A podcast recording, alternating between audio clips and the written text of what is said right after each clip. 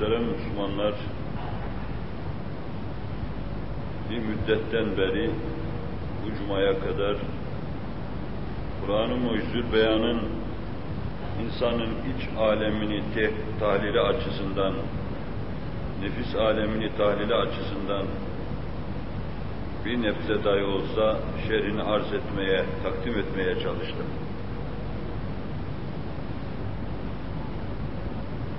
Esasen çok geniş ve çok himmet isteyen bu husus, yani insanın heyecan ve teessürlerinin anlatılması,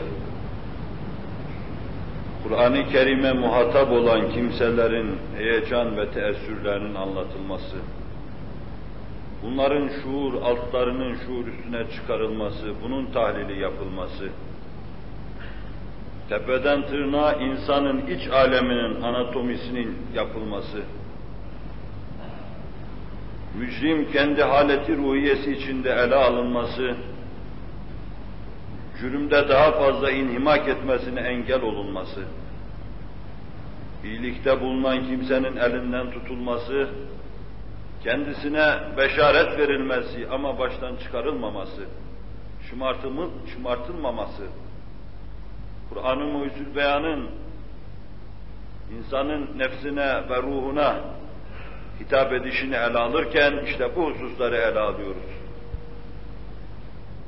İnsanların rüyalarından, rüyaların bir kısmının edgâf-ı ahlam olmasından, bir kısım şuur altları olmasından, bir kısmının alemi misalden bir kısım levhaların onların enzarına arz edilmesine kadar, ondan ilmi ilahiden insanın mahbiti vahiy ilham ilahi olan veya mahbiti ilham ilahi olan veya vahiy ilahi olan kalbinde ilmi ilahinin aksedişine kadar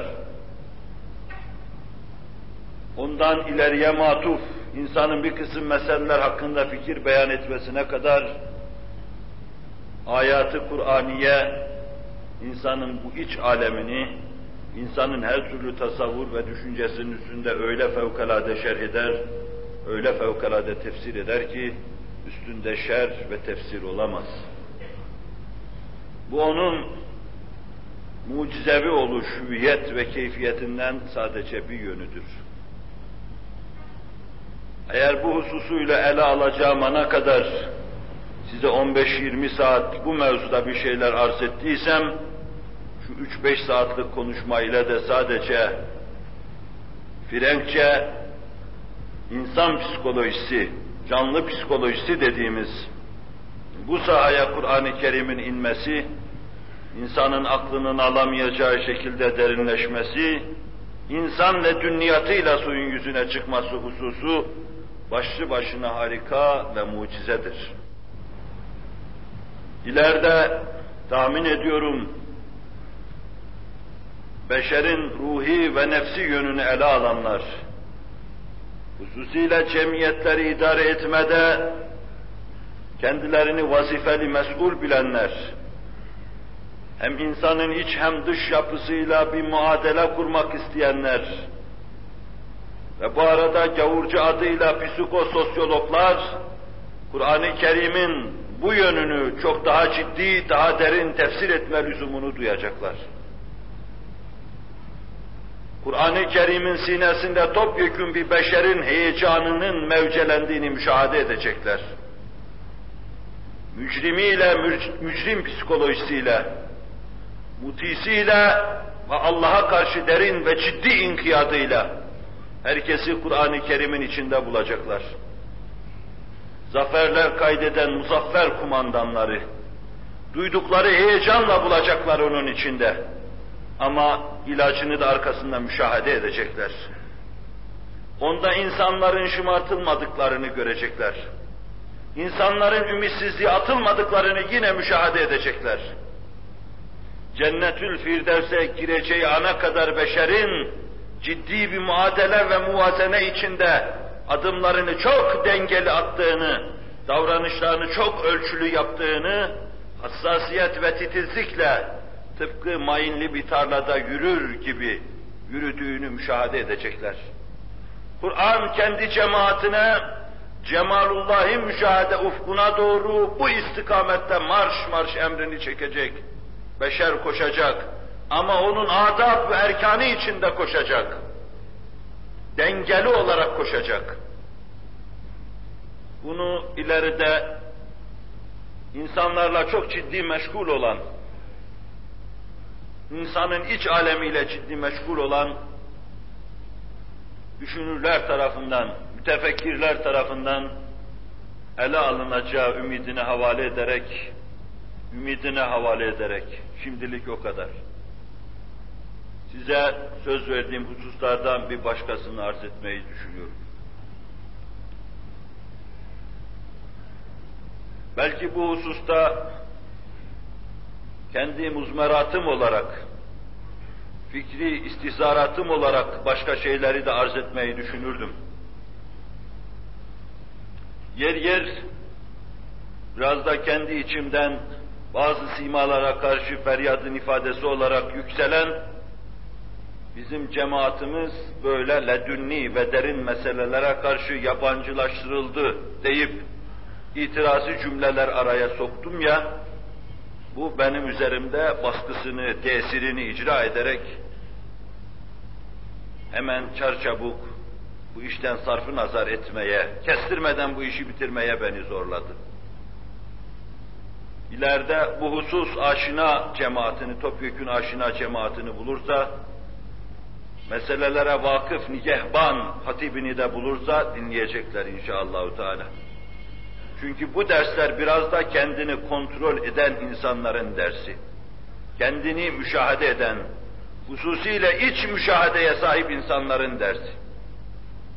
Eğer kainattaki realiteleri ehli tasavvuf biraz kavrayıverse esasen bu ders onların dersi.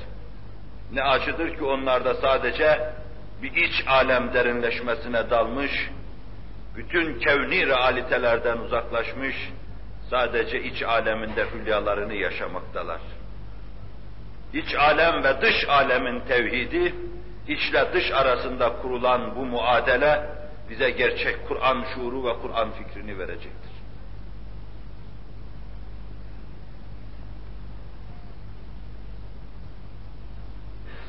Söz verdiğim plana göre, planım herhalde öyle arz etmiştim, bu derste Kur'an-ı Kerim'in başka mucizevi bir yönünü ifade eden, onun gaybi ihbaratını arz etmek istiyorum.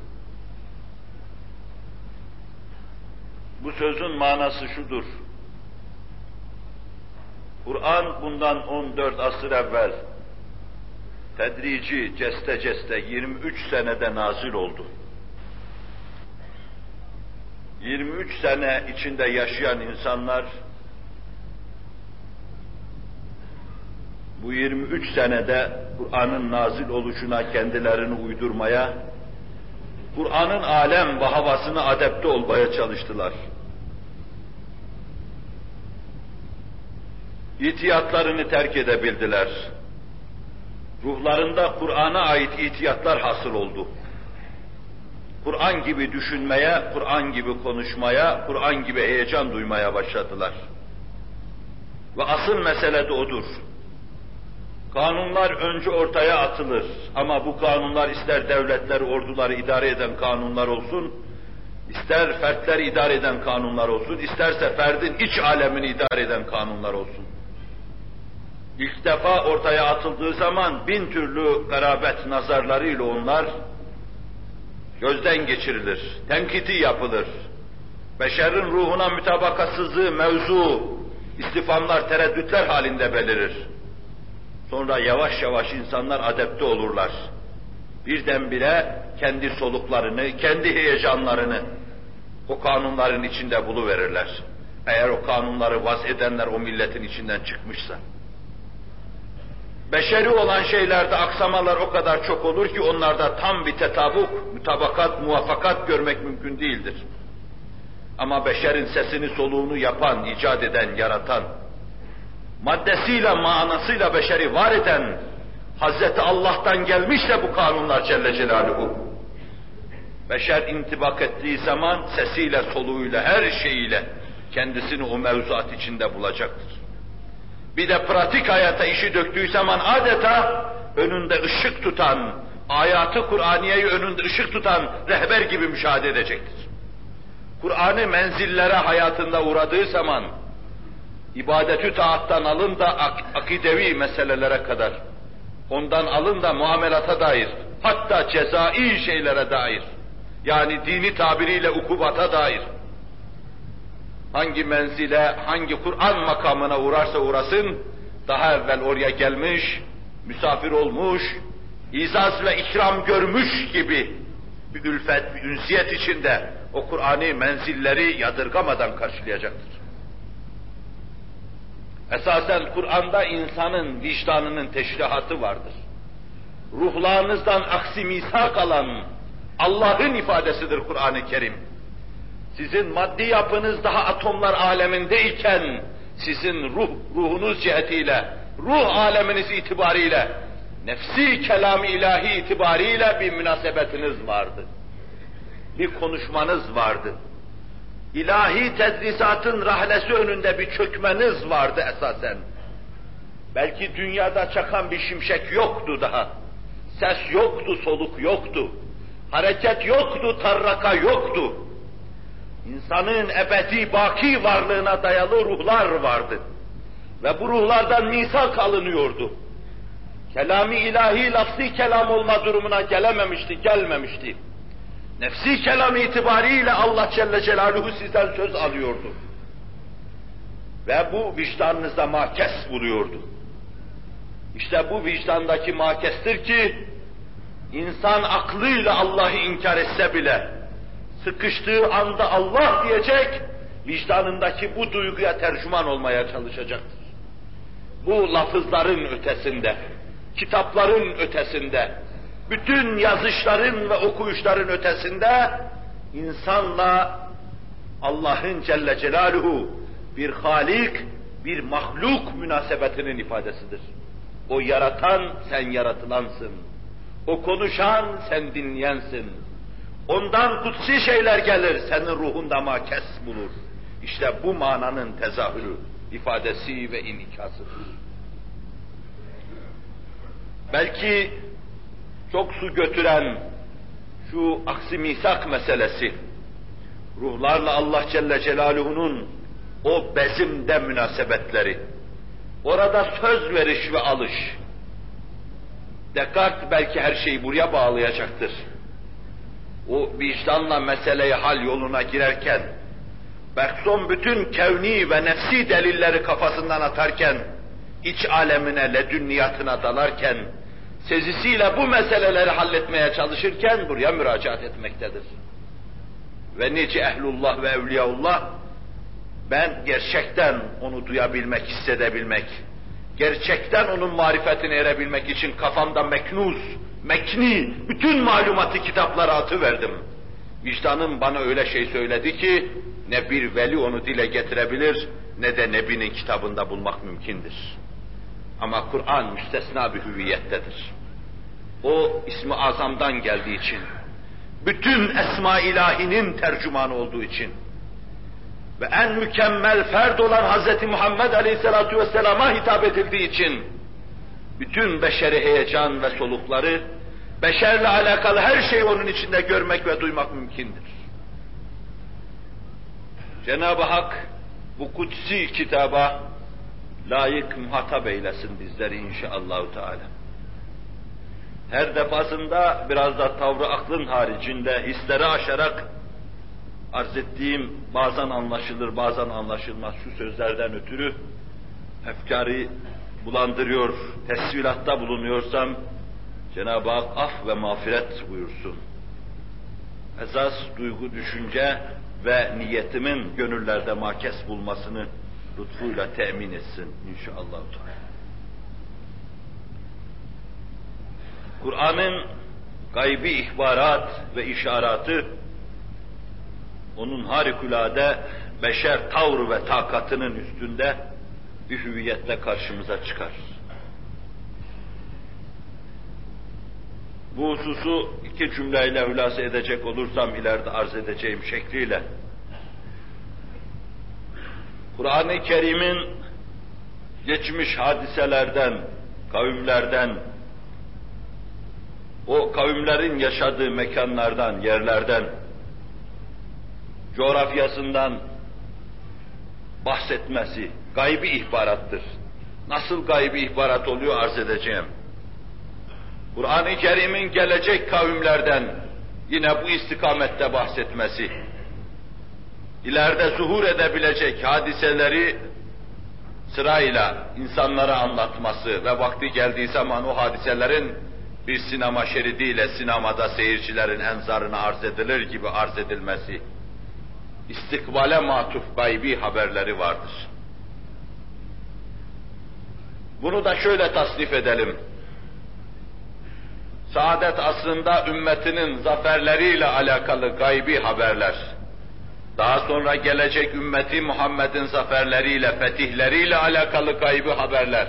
Çok sarih olarak söylemiştir. Ve bir de ileride zuhur edebilecek bir kısım harika hadiseler, zafer değil ama harika hadiseler, bunlardan haberler. Ve bu haberleri de ikiye tasnif edelim. Bir sarih olarak çok açık bunlardan bahsetmesi, en ami, en cahil dahi baktığı zaman, Kur'an-ı Kerim'in ileride olacak bu hadiselerden bahsettiğini sezecek şekilde bahsetmesi, bir de kinayi, bir kısım kapalı lafızlarla, işari yollarla bu meseleyi ele alması, dile getirmesi ve bahsetmesi şeklinde inşallahü teala ayetlerden misallerini bak vakalar içinde pratik hayattaki durumuyla önümüzdeki bir iki derste size arz etmeye çalışayım bunu.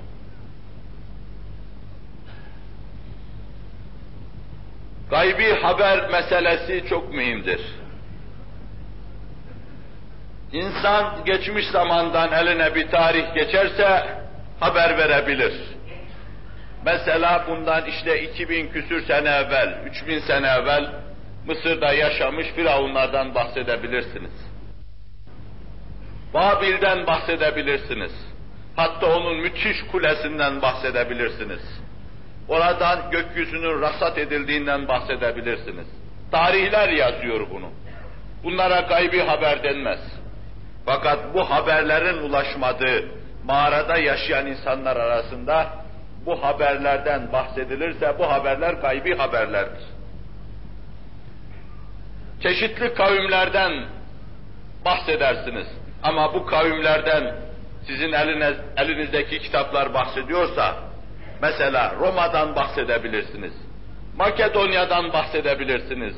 Hatta teferruata inerek Makedonya'nın müthiş krallarından bahsedebilirsiniz. Topal Filip'ten bahsedebilirsiniz, İskender'den bahsedebilirsiniz. Bunlar tarihin yazdığı ve sizin bellediğiniz şeylerdir. Mümkündür bunlar. Ama öyle şeyden size haber verilse ki, tarih o cemaatin adından bahsetmiyor. Öyle bir milletten bahis yoktur tarihte. Siz o türlü şeylerden maziye ait haber verdiğiniz zaman, belli ki siz zamanı aşıyorsunuz, kitapları aşıyorsunuz, beşeri ilmin sınırlarını aşıyorsunuz, bütün aşılabilecek her şeyin üzerinde aşılmaz birinden ders alıyorsunuz.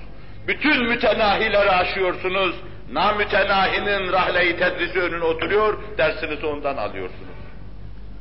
İşte Kur'an'ın maziye ait ihbaratı gaybiyesi tamamen bu cümledendir ve bu cümleden olarak ele alacağız. İnsan geçmişten verdiği haberlerde biraz mesele su götürebilir, tereddüte mahil kalabilir. Halde cereyan eden hadiselerden haber vermesi tamamen mümkün gibi görünür. Fakat istikbale ait haberler bir beşere isnat edilmesi ya o mucizedir veya o zatta öyle müthiş bir deha vardır ki bin sene evvel hadiseler nasıl cereyan ediyor, nasıl bir seyir takip ediyor, hadiselerin seyrine göre nasıl bir zuhurat olacağını keşfediyor. Ve Kur'an-ı Muhyüzül Beyan'ın daha ziyade ağırlığıyla ihbaratı gaybiyesi budur deyip bunun üzerinde inşallah durmaya çalışacağım. 50 sene sonraki durumdan insan bahsedebilir. Düşünün ki materyalist bir felsefenin kurucularından bir tanesi, Rusya'daki şu korkunç sistem zuhur etmeden evvel, O, o sistemin Almanya'da zuhur edebileceğini, Avrupa'da zuhur edebileceğini iddia ediyordu. Diyordu ki şu ateist sistem, şu inkarcı sistem, şu tarihi maddecilik Avrupa'da zuhur eder. Niçin orada zuhur eder? Çünkü orada daha korkunç bir dengesizlik vardır. Sınıf mücadelesi vardır. Orta çağdan bu yana süre gelen bu sınıf mücadelesi orada bu komünizmin, ateizmin vücut bulmasına, sübut bulmasına sebebiyet verecektir. 50 sene sonra başka bir yerde oluyor. Bir asır geçmiyor. Rusya'da oluyor. O aklının köşesinden geçirmiyordu Rusya'da öyle bir şey olacağını. Bakın istikbale ait bir şey haber veriliyor. Hadiseler hepsi sırayla yola çıkmışlar. Buradan Ankara'ya yaya yürümek üzere yola çıkan insanlar gibi yola çıkmışlar. Ve sen tahmin ediyorsun. Diyorsun ki bir insan bir saatte beş kilometre gider ortalama. iki saatte on kilometre gider. 24 saatte dinlenmesiyle şu kadar gider, buradan Afyon'a kadar şu kadardır hesap var yapıyorsun. Yapıyorsun ama sen Afyon'da beklediğin zaman Uşak'a gidiyorlar. Uşak'ta beklediğin zaman Salihli'yi aşamamışlar. Salihli'de beklediğin an Bornova'yı çıkamamışlar. Hep yanılıyorsun. Çok yakın bir istikbale ait, karineleri ortada, emareleri ortada, vardığınız tahminler sizin yüzünüzü kızartıyor, mahcup ediyor. Tahmin ederim ki Karl Marx, Rusya'da komünizmin zuhur ettiği an hayatta olsaydı kederinden ölürdü. Çünkü bütün tahminlerinde yanılmıştı. Yüzde 99,9 yanılmıştı tahminlerinde. Kur'an'ın ihbaratı gaybiyesine geldiğimiz zaman, zamanıyla, mekanıyla hadiseleri sıraya koydu mu, falan yerde şu gittiğin an onunla göre, görüşeceksin orada. En ufak bir inhirafın olmadığını göreceksin. Ve bu hadise 50 sene falan filan değil, hiç emaresi olmadığı, yola çıkanın bulunmadığı bir dönemde, gökte bir şimşek yok, semada bir tane yıldız mevcut değil. Ama o göklerde yıldızlardan bir cennetten bahsediyor. Sırası geldiği zaman onların zuhur ettiğini göreceksiniz. İşte biz buna diyoruz ki, hadiselerin ışığı altında bunları değerlendirip o neticeye varma imkanı olmayan hadiselerdir. Ondan dolayı diyoruz ki, bunları ileride böyle yaratacak Allah Celle Celaluhu, yaratmadan evvel peygamberliğe delil olsun diye ona bildiriyordu ve o da söylüyordu. İstikbale matuf Kur'an-ı Kerim'in verdiği haberler, uzak yakın istikbaliyle sırasıyla misallerini arz edeceğim, böyle göreceksiniz. Bu haberlerin bir kısmını sarih olarak ayetlerde müşahede edeceğiz. Kur'an nazil oldu, kendinden sonra şu kadar asır sonra veya 50 sene sonra, 100 sene sonra ne oldu bunları göreceğiz. Bir de bu arada Kur'an-ı Kerim'in işaretleri vardır, göz kırpışları vardır. Tefsirci bunu çok güzel yakalamıştır. Bin sene evvel yaşayan bir tefsirci, Kur'an-ı Kerim'in nüzulundan bin sene sonra, 1300 sene sonra meydana gelecek hadiseleri yazmıştır. Kur'an-ı Kerim'in o işaretlerini yakalayarak yazmıştır. Bin sene sonra Kur'an-ı Kerim'in işaretlerinden mana çıkarsınlar, bunları sıraya koysunlar, vakti geldiği zaman onlar da zuhur etsin ve siz müşahede edin. Bundan da misaller arz etmeye çalışacağım inşallah. İşte şu bir iki derste uzatmadan geçeceğim bunu da, bir iki derste Kur'an'ın bu yöndeki mucizesini takdimi düşünüyorum. Allah yar ve yardımcımız olsun.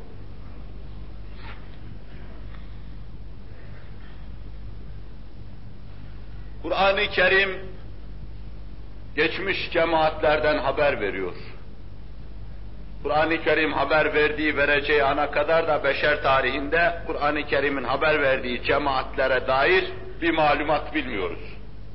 Mesela Arap ediplerini, Arap yazarlarını tetkik ettiğimiz zaman Kur'an-ı Kerim'in mevzu olarak ele aldığı meselelere dair hiçbir şey yazıldığını bilmiyoruz. Bu mevzuda ben çok rahat konuşuyorum ve kodiri meydan diyorum. Cahiliye devrine ait tarihleri getirsinler. Arap tarihini. Değil öyle başka kavimlerden bahsetmek. Tevrat'tan, İncil'den, Zebur'den bir tek kelime içinde var ise ben her şeyden vazgeçerim. Resul-i Ekrem sallallahu aleyhi ve sellem ümmi bir muhitte, kimsenin hiçbir şey bilmediği bir muhitte neşet ediyor. Ama Tevrat'tan, İncil'den öyle bahislerle sahneye çıkıyor ki, o ilimlerin her şeyini teferruatıyla, tefsiriyle, şerhiyle biliyor gibi görünüyor. O kitaplarda ittifaklı olan meselelerde muvaffakat ediyor. İhtilafa düştükleri yerde de tasih ediyor. Bir hakem kesiliyor onların başında. Ve bu kitabı mukaddes Nebiler Nebisi'nin dilinde makes buluyor. Hayatında iki defa Şam'a seyahattan başka Ceziretül Arab'ın dışına çıkmayan Hz. Muhammed Aleyhisselatü Vesselam'ın dilinde makes buluyor. Kur'an-ı Kerim İsrailoğulları Hz. Mesih'e nesepsiz diyorlardı. İncilisi onu takdis ediyordu. İhtilafa düştükleri bu noktada onun Allah'ın elçisi olduğu prensibiyle geldi. Öbürünün nesepsiz iddiasını reddediverdi. Berikinin de sen ilah diyorsun ona bu da sapıktır dedi, tavsiye ediverdi. Bu bir hakemlik meselesiydi. İsrail peygamberleri hakkında ne eracif, ne tesifat, ne iftiralar vardı. Kur'an-ı Kerim bu mevzuda öyle hakemlik yaptı ki sonra karıştırdık biz. Hz. Şuayb Aleyhisselam'ın suhuflarını karıştırdık. Karıştırdık Daniel Aleyhisselam'ın suhuflarını bir de ne görelim? Gizli olan bu kitaplarda aynen Kur'an-ı Kerim'in bahsettiği gibi peygamberlerden bahsediliyor. Artık Kur'an-ı Kerim bir kısım İsrail kitaplarında da bahsedildiği gibi Hz. Musa'yı haşa sarhoş bir insan olarak ele almıyordu. Ona Sokrates gibi bir filozof nazarıyla bakmıyordu. Ama İsrail, adi İsrail kendi peygamberini bu hale getiriyordu. Kur'an hakemlik yapıyordu, tasih ediyordu. Halbuki Nebiler Nebisi Kur'an-ı Kerim'in ifadesiyle sen elinle yazı yazmadın ve la tahuttuhu bi yeminik izen lertabel mubtilun o zaman ehli batıl batıl şeylerle sahneye çıkanlar tereddüte düşeceklerdi. Sen yazı yazma okuma bilmezsin diyordu.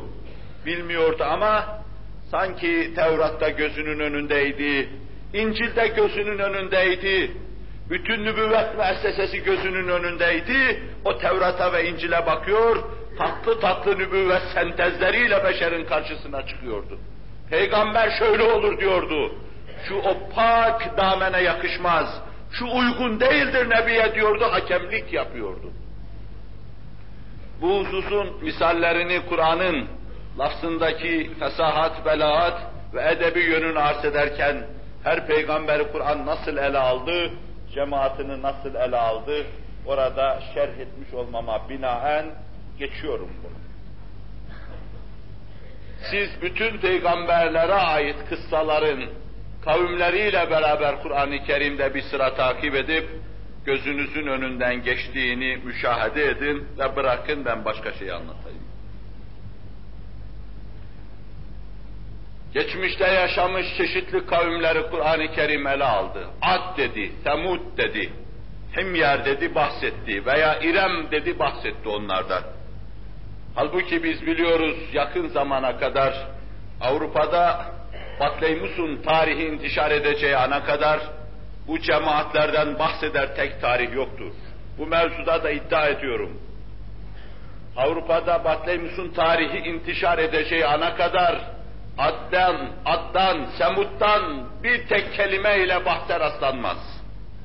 Ama çok eski devirlerde yaşamış bir bakıma hem de bir astronomi alimi olan veya kozmografya alimi olan bu zat, bir taraftan coğrafya yazmış, tarih yazmış. Görüyoruz ki sonra tarihinde o, Addan o Adite gibi, Frenkçe şeyiyle, Semut'tan da Tuhumidite gibi kelimelerle bahsediyor ve Semut'tan bahsettiği yerde çok gariptir. Aynı zamanda İrem'den de bahsediyor. Kur'an-ı Kerim'i ele aldığımız zaman elem tere keyfe feale rabbuk İrem zâtil imâdilleti lem yuhlak Elem tere keyfe feale rabbuke bi'ad ad İrem zâtil imâdilleti lem yuhlak misluha fil bilad Sadakallahul azim Vel Fecri suresinden bir ayet okudum. Allah Ad kavminden bahsederken Arkasından İrem medeniyetinden de bahsediyor. Arim seylinin yıktığı barajdan bahsediyor. O cemaatin mükemmel bir medeniyet kuruşundan bahsediyor. Baraj usulüyle ortalığı suladığından bahsediyor. Biz Batleymus tarihini okuduğumuz zaman orada çok uzun boylu yaşamış bir medeniyetten bahisler görüyoruz. Ama bu Orta Çağ'da Avrupa'da intişar eden, ancak Orta Çağ'da Avrupa'da bilinen bir tarihtir. Ve bu tarih zuhur edeceği ana kadar da size bir şeye dikkatinizi rica edeceğim. Kur'an-ı Kerim'in tarihi vakaları nakletmesinde bazı uğradığı tenkitler vardır. Uğradığı tenkitlerden bir tanesi de buydu. Avrupalı müsteşrikler diyorlardı ki, Kur'an Ad kavminden, Semud kavminden bahsediyor. Halbuki biz yazının yazılmaya başladığı günden bugüne, böyle cemaatlerin yaşadığına dair en ufak malumatımız yoktur diyorlardı. Binaenaleyh Kur'an hayali şeylerdir diyorlardı. Tarih Avrupa'da intişar edince birdenbire hayret ve dehşet içinde çeneleri bir karış aşağıya düşüverdi. Şam'ın ötesine gitmemiş Nebiler Nebisi bahsediyordu sallallahu aleyhi ve sellem. Elem tera keyfe feale rabbuke bi'ad. Ad kavmine Rabbinin ne yaptığına bir bakmıyorlar mı? Bir akıl erdirmeye çalışmıyorlar mı? Meseleyi künhüyle kavrama mevzunda gayret sarf etmiyorlar mı? Kim Ad kavmi? İram, Zatil İmad, İrem cemaatidir. Yüksek yüksek sütunlarla binalar yapan bir cemaattir. Muhteşem bir medeniyet kuran bir cemaattir. Taşları, mermerleri yontan bir cemaattir. Başka bir yerde onların sellerinden bahseder, barajlarından bahseder ve güzelim bağ ve bahçelerinin sadece diken bitirir bir hale geldiğinden bahseder. Kur'an-ı Kerim. Demek oluyor ki arkeolojik araştırmalar, kütüphanelerde küflenmeye terk edilmiş kitaplarda araştırmalar, iyice ortaya zuhur ettikçe, Kur'an-ı Kerim'de tenkit edilen meseleler tarihe dair birer sıdkı ve sabit mesele olarak karşımıza çıkacaklardır. Cenab-ı Vacib-ül Vücud, delil olarak yaratıp ortaya sürdüğü bütün bu delaili değerlendirip, kalbi hayatını tamire bizleri muvaffak kılsın. Kur'an-ı Muhyüzül Beyan'a karşı kalbimizi izanla doldursun inşallahü teala. Mesela yine Kur'an-ı Muhyüzül Beyan, Firavunlardan bahsediyor ama Firavun tarihte geçiyor. Belki bu yönüne bir mucize nazarıyla bakılmaz ama hadiseleri fezleki olarak ele alması, karakteristik durumlarıyla, ukdeyi hayatiyeleriyle takdim etmesi, vakalara o kadar aşina ve nigehban olduğunu gösterir ki, Cihan Harbi'ni bizim yüz yaşındaki adamlarımız nasıl bilir biraz da tarih bilirse, işte öyle bir bilgi, irfan tahtına oturur meseleleri rahatlıkla anlatır. Ben Çanakkale'yi görüp yaşayan, anlatanların belki yüz tanesinden dinledim. Ama yine de bu mevzudaki malumatım benim ilmel yakin mertebesindedir. Onları duydum, değerlendim, değerlendirdim, anlatıyorum. Fakat bir de bir kolunu kaybetmiş, hala yüzünde bir yara izi vardır Çanakkale'de, İngiliz kurşunu delmiş onu. Bacağını kaybetmiş bir adam görürsünüz, 70-80 yaşında. O hadiselerin içindedir. Kendisine Cenab-ı Hakk'ın kader planı içinde düşen sahada o mücadelesini vermiştir. Belki umum dönen dolapları anlayamamıştır. Ama kendi varlık sahası içinde cereyan eden hadiseler öylesine nigahbandır ki, anlatırken o günü yeniden yaşıyor gibi olur. Bu meselenin hakkal yakinini verir. Kurşun nasıl insanın yüzüne gelir, nasıl gözü kör olur, nasıl bacak gider, o bunların hakkal yakinini yaşamış anlatıyor. İşte Kur'an'ın bu cemaatlerin nukteyi hayatiyelerini anlatırken böyle çok hakim anlattığını müşahede ederiz. Meselelerin ukdeyi hayatiyelerini takdim ettiğini görürüz. Mesela Firavun'u bahsediyor. Firavun'un gark olduğunu da bahsediyor. Bu meselede tenkit ediliyordu düne kadar. Avrupalı müsteşrikler tarafından dünün müşrikleri gibi, müsteşriklerin tercümanı olan Taha Hüseyin gibi, Doktor Taha Hüseyin gibi kefere ve fecere tarafından tenkit ediliyordu. Ama Kur'an-ı Kerim'e göz kapamışlardı. Firavun'un gark olduğunu bahsediyor Kur'an-ı Kerim. Halbuki işte Musa'ya muasır olan Firavun'un mumyalar içinde şurada durduğunu biz görüyoruz dediler. Şayet o Firavun ise, Amnofis ise şayet. Sonra Kur'an-ı Kerim'in ayetine baktığımız zaman gördük ki, Kur'an-ı Kerim öyle inkarla ona yeltenenlere karşı o noktada dahi ukde-i hayatiyeyi yakalamış çıkıyor karşılarına. فَالْيَوْمَ نُنَجِّيكَ بِبَدَنِكَ لِتَكُونَ لِمَنْ خَلْفَكَ آيَةً Seni gark ettik. Fakat cesedine necat vereceğiz, canına değil. Vücudunu dışa çıkaracağız. Arkadan gelenler de görecek ve ibret olacaklar diyor. Çok sarih olarak söylüyor. O zaman garazlı, kinli, nefretli kimseler yine hayret ve şaşkınlık içinde kendilerinden geçtiler. Nuh tufanını Avrupa tarihçileri inkar ediyorlardı. Veya bu mevzuda Kur'an-ı Kerim'e hücum ediyorlardı. Ama küflü, üfunetli kütüphanelere girdiklerinde cidden bir zaman dünyayı korkunç bir tufanın bastığını gördüler. Vesikalar bu mevzuda kendilerine o kadar kanaat verdi ki, Cudi Dağı'nı aramaya başladılar, Everest Tepesi'nin başına çıkmaya başladılar, Allahu Ekber Dağı'nın başına çıkmaya başladılar. Kur'an-ı Kerim ise vakayı yakaladı, en ince teferruatına kadar. Kafanda hiçbir istifam bırakmayacak şekilde sana anlatıverdi. İşte bütün bunları anlattıktan sonra o şanı yüce Nebi'ye şöyle diyor. Tilke min enbâil gayb nuhiha ileyk ma kunte ta'lemuha ente ve la kavmuka min qabl hâzâ. Sadakallahul azim. Ey şanı yüce Nebi! Bunlar bizim sana vahyettiğimiz şeylerdir. Bu bizim anlattığımız meseleleri ne sen ne de senin cemaatin bilemezdi ondan evvel. Biz vahyettik de öğrendiler. Ceziretül Arap'ta bunlardan bahis yoktu. Orada yazan hiçbir yazar bunlardan bahsetmiyordu. İşte cahiliye devrinin bütün şairleri ve onların divanı eşarları ortadadır. Bir tek kelimeyle Nuh'tan, Nuh'un tufanından bahsediliyorsa biz bırakalım bu işi. Ama göreceksiniz ki tek kelimeyle bahsedilmiyor. Bundan anlaşılıyor ki Kur'an aleminin arkasında esasen vahyi semavi vardır. Kur'an'ın arkasında Allah vardır Celle Celaluhu. Bir yönüyle ilahi teyidat altında olan bu Kur'an-ı Kerim'in himaye ve siyaneti altına girmeye Allah bizleri muvaffak kılsın.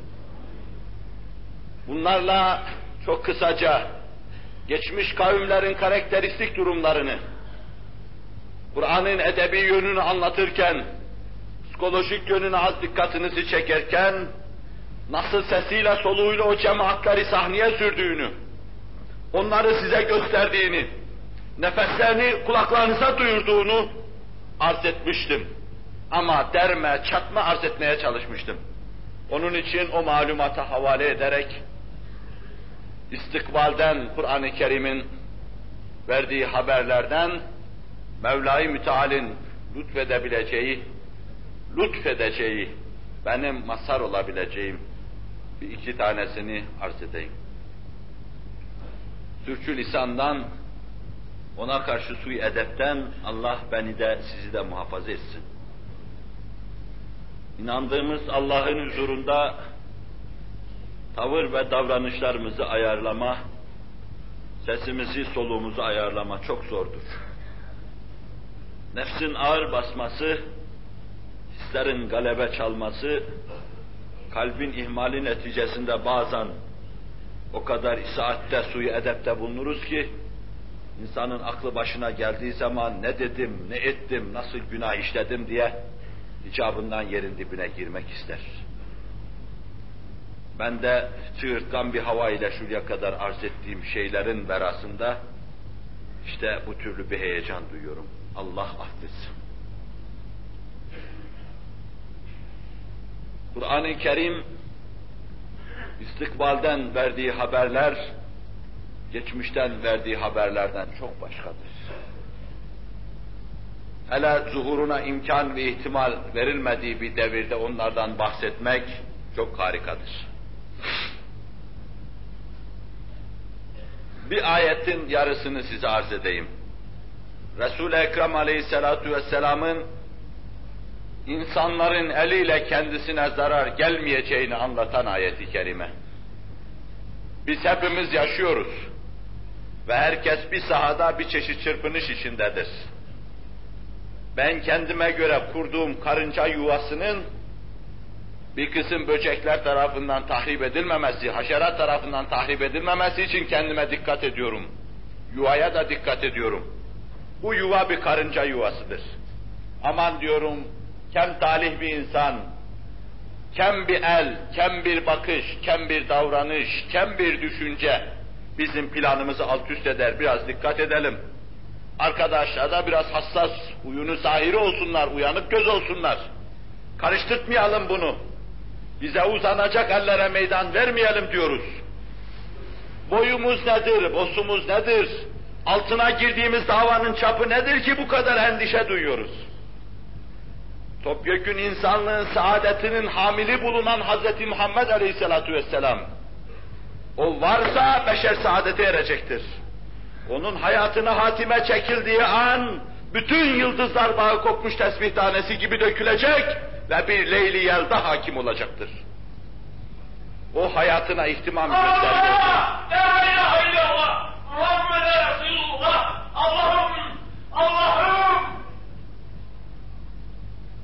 Resul-i Ekrem aleyhissalatu vesselam çok ihtimam gösterilmesi gereken hayatı Allah tarafından teminat altına alınıyordu. En küçük bir tereddüte mahal bırakmayacak şekilde teminat altına alınıyordu. O sokak sokak gezecekti.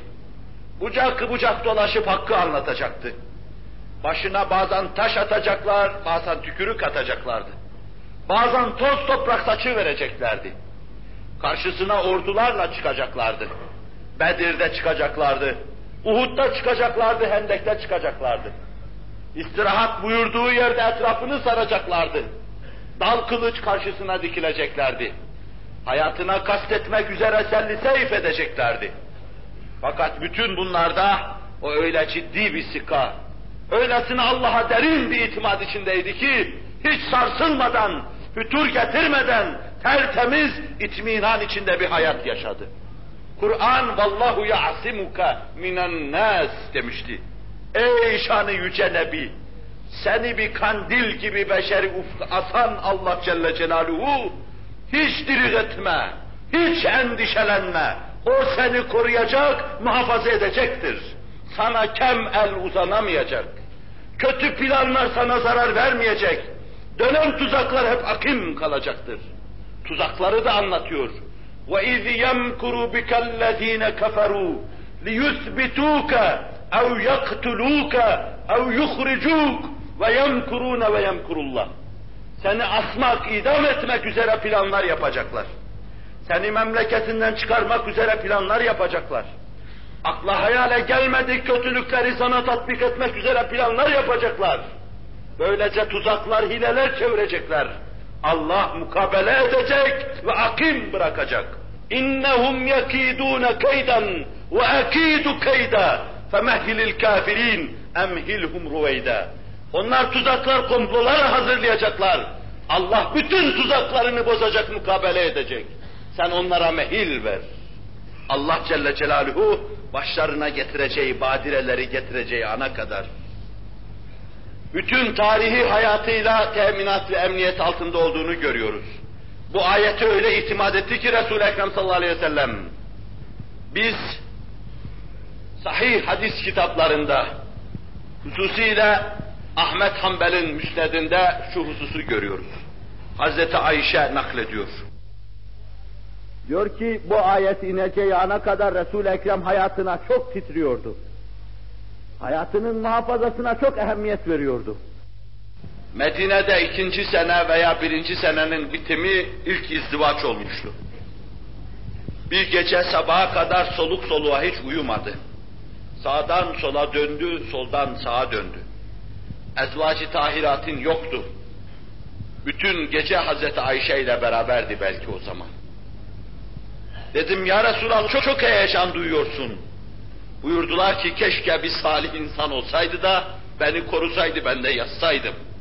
Bana Yahudiler bir kötülük yaparlar vardı bunun arkasında. Tam o sözünü bitirmemişti ki bir kılıç şakırtısı duydu kapının önünde. Seslendi nebiler nebisi. Kim o? Ana Sa'd ibn Malik. Ben Sa'd ibn Abi Vakkas. Ne arıyorsun burada? Aklıma geldi ya Resulallah sana bir kötülük yaparlar. Sabaha kadar senin perdedarın olayım diye geldim buraya dedi. O hayatına ehemmiyet veriyordu. Duyduğu heyecan kadar Allah da imdadına koşuyordu.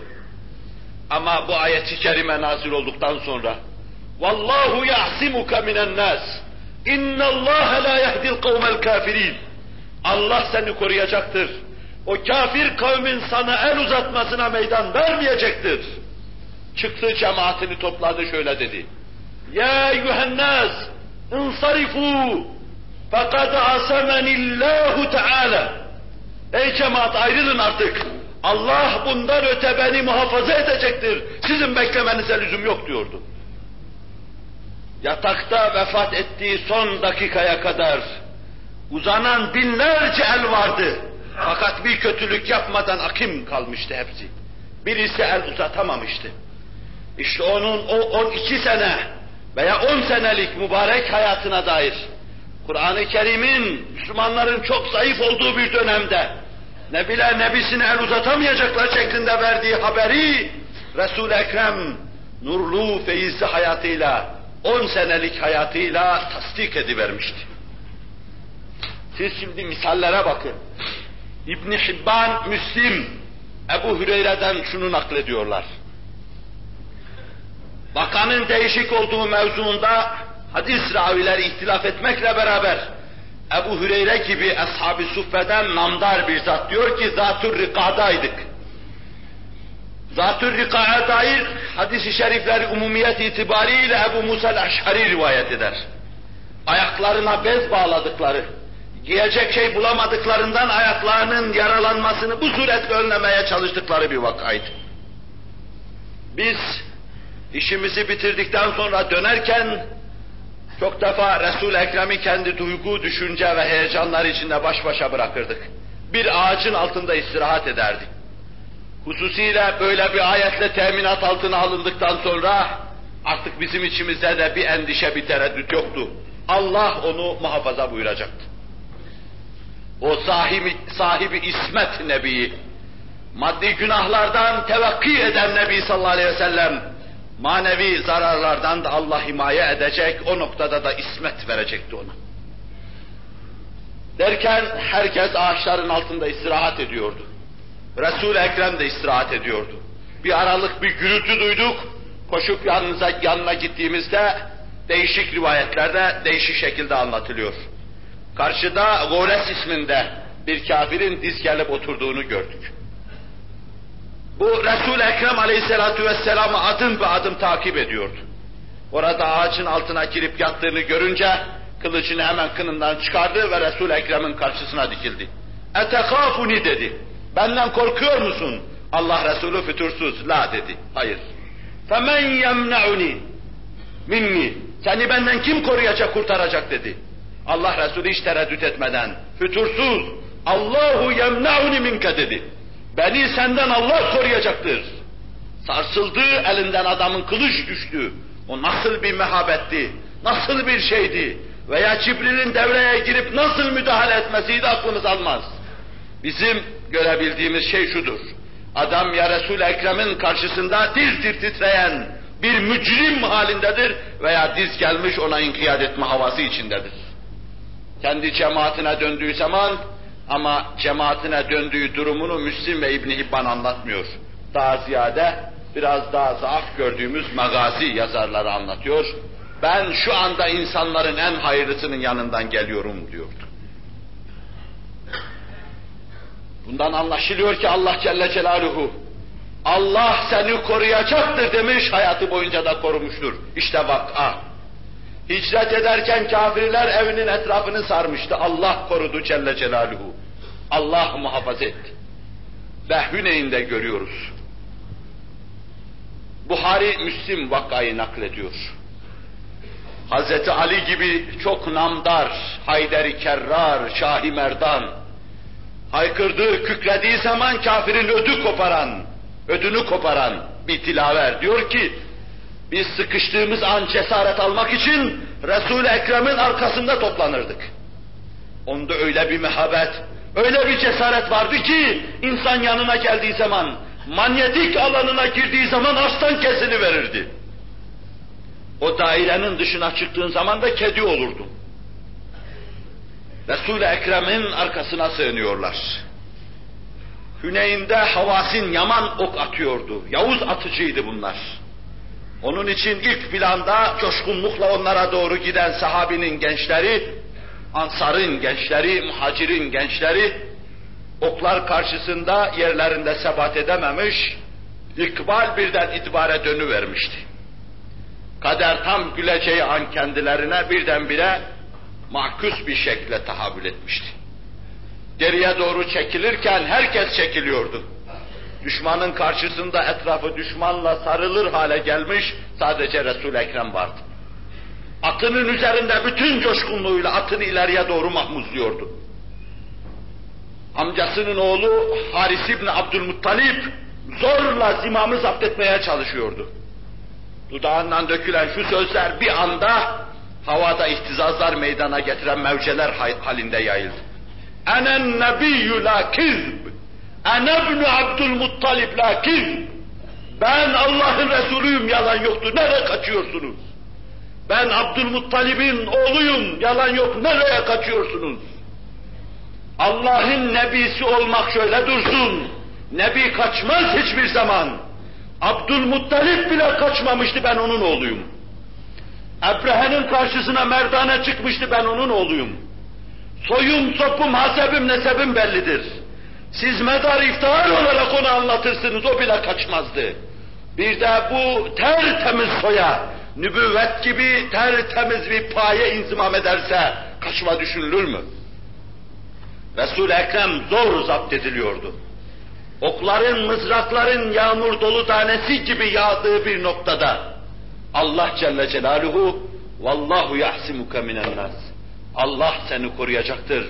Fermanı kutsiyesi sübhanesiyle nebiler nebisini muhafaza ediyordu. Uhud'da her şeye rağmen 70 sahabi şehit oldu.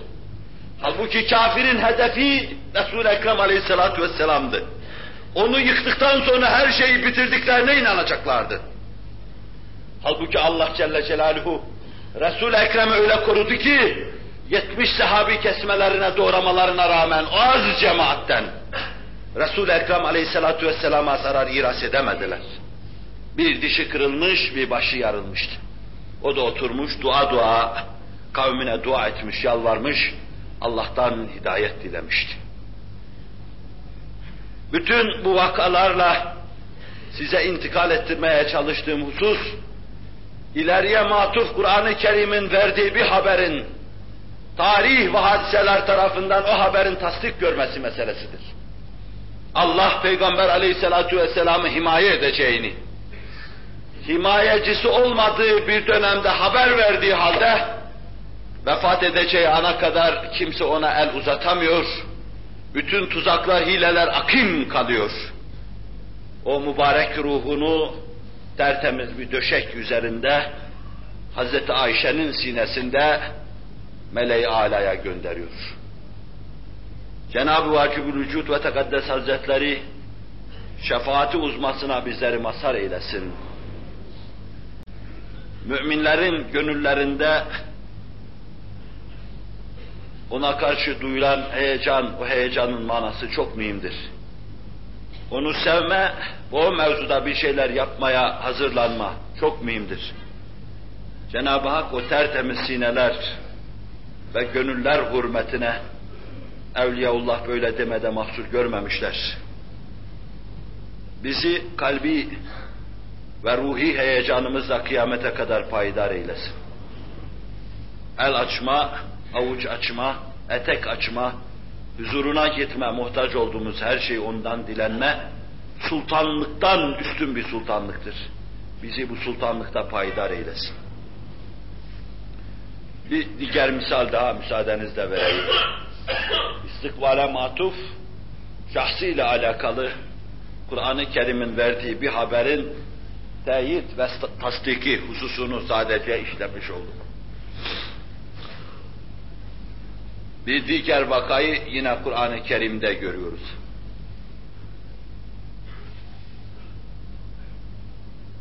Bu da herhalde İktarebe suresinde. Sa'a ve enşakkal kamer.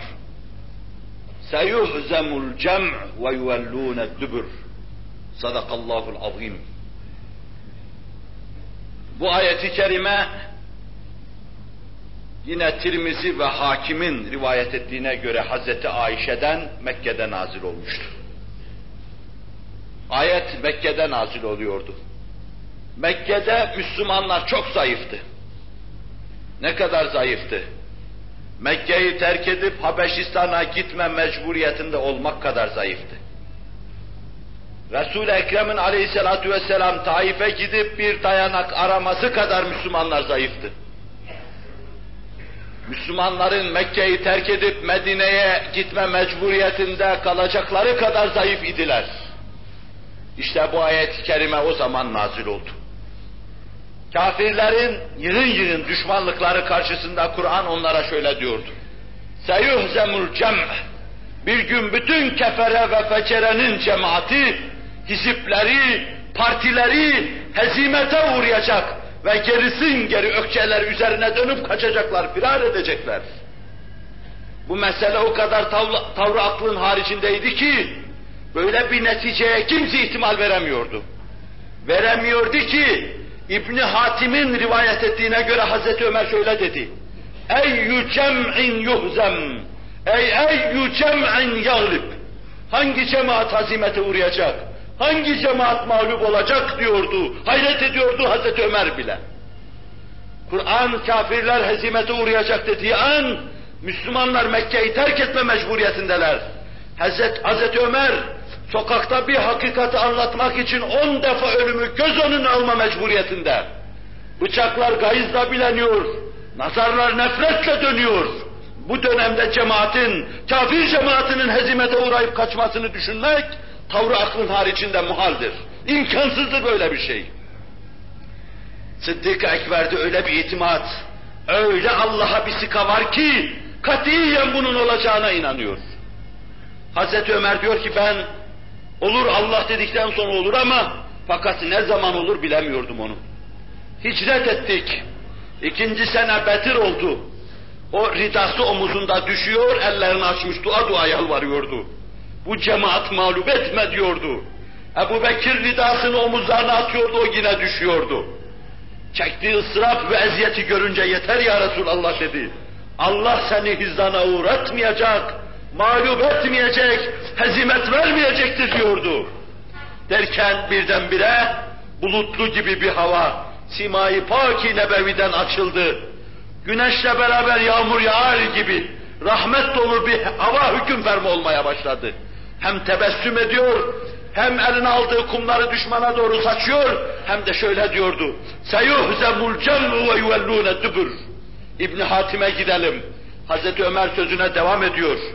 Ben hiç ihtimal vermiyordum. Ama zırhının içinde o gün yerinde duramayan, oynayan, mütemadiyen sıçrayan sağa sola nebiler nebisini gördüğüm zaman cemaatlerin bozulup kaçacağı günün bugün olduğunu o zaman anladım. On sene evvel haber veriyor. Haber verildiği zaman hiç şerait ve esbab müsait değil. Bütün şartlar Müslümanların aleyhinde işliyor. Bir solukta kafirler Müslümanları yutacak havadalar. Küfür öylesine korkunç bir hava, bir vakum meydana getirmiş ki bir tek lokmada bütün Müslümanlar yutulacak mahiyette. Ama Resul-i Ekrem sallallahu aleyhi ve sellem gayet emin. Hazreti Ebu Bekir gayet emin. Emin olanlar gayet emin. Bedir'de manzara sahne, sahneye arz edildiği zaman herkesin içinde bir beşaşet dalgalanmaya başlamıştı. Kafirler hepsi bırakıp kaçıyorlardı. Öyle kaçtılar ki Ebu Süfyan Mekke'ye kadar geldi. Anlatıyordu orada.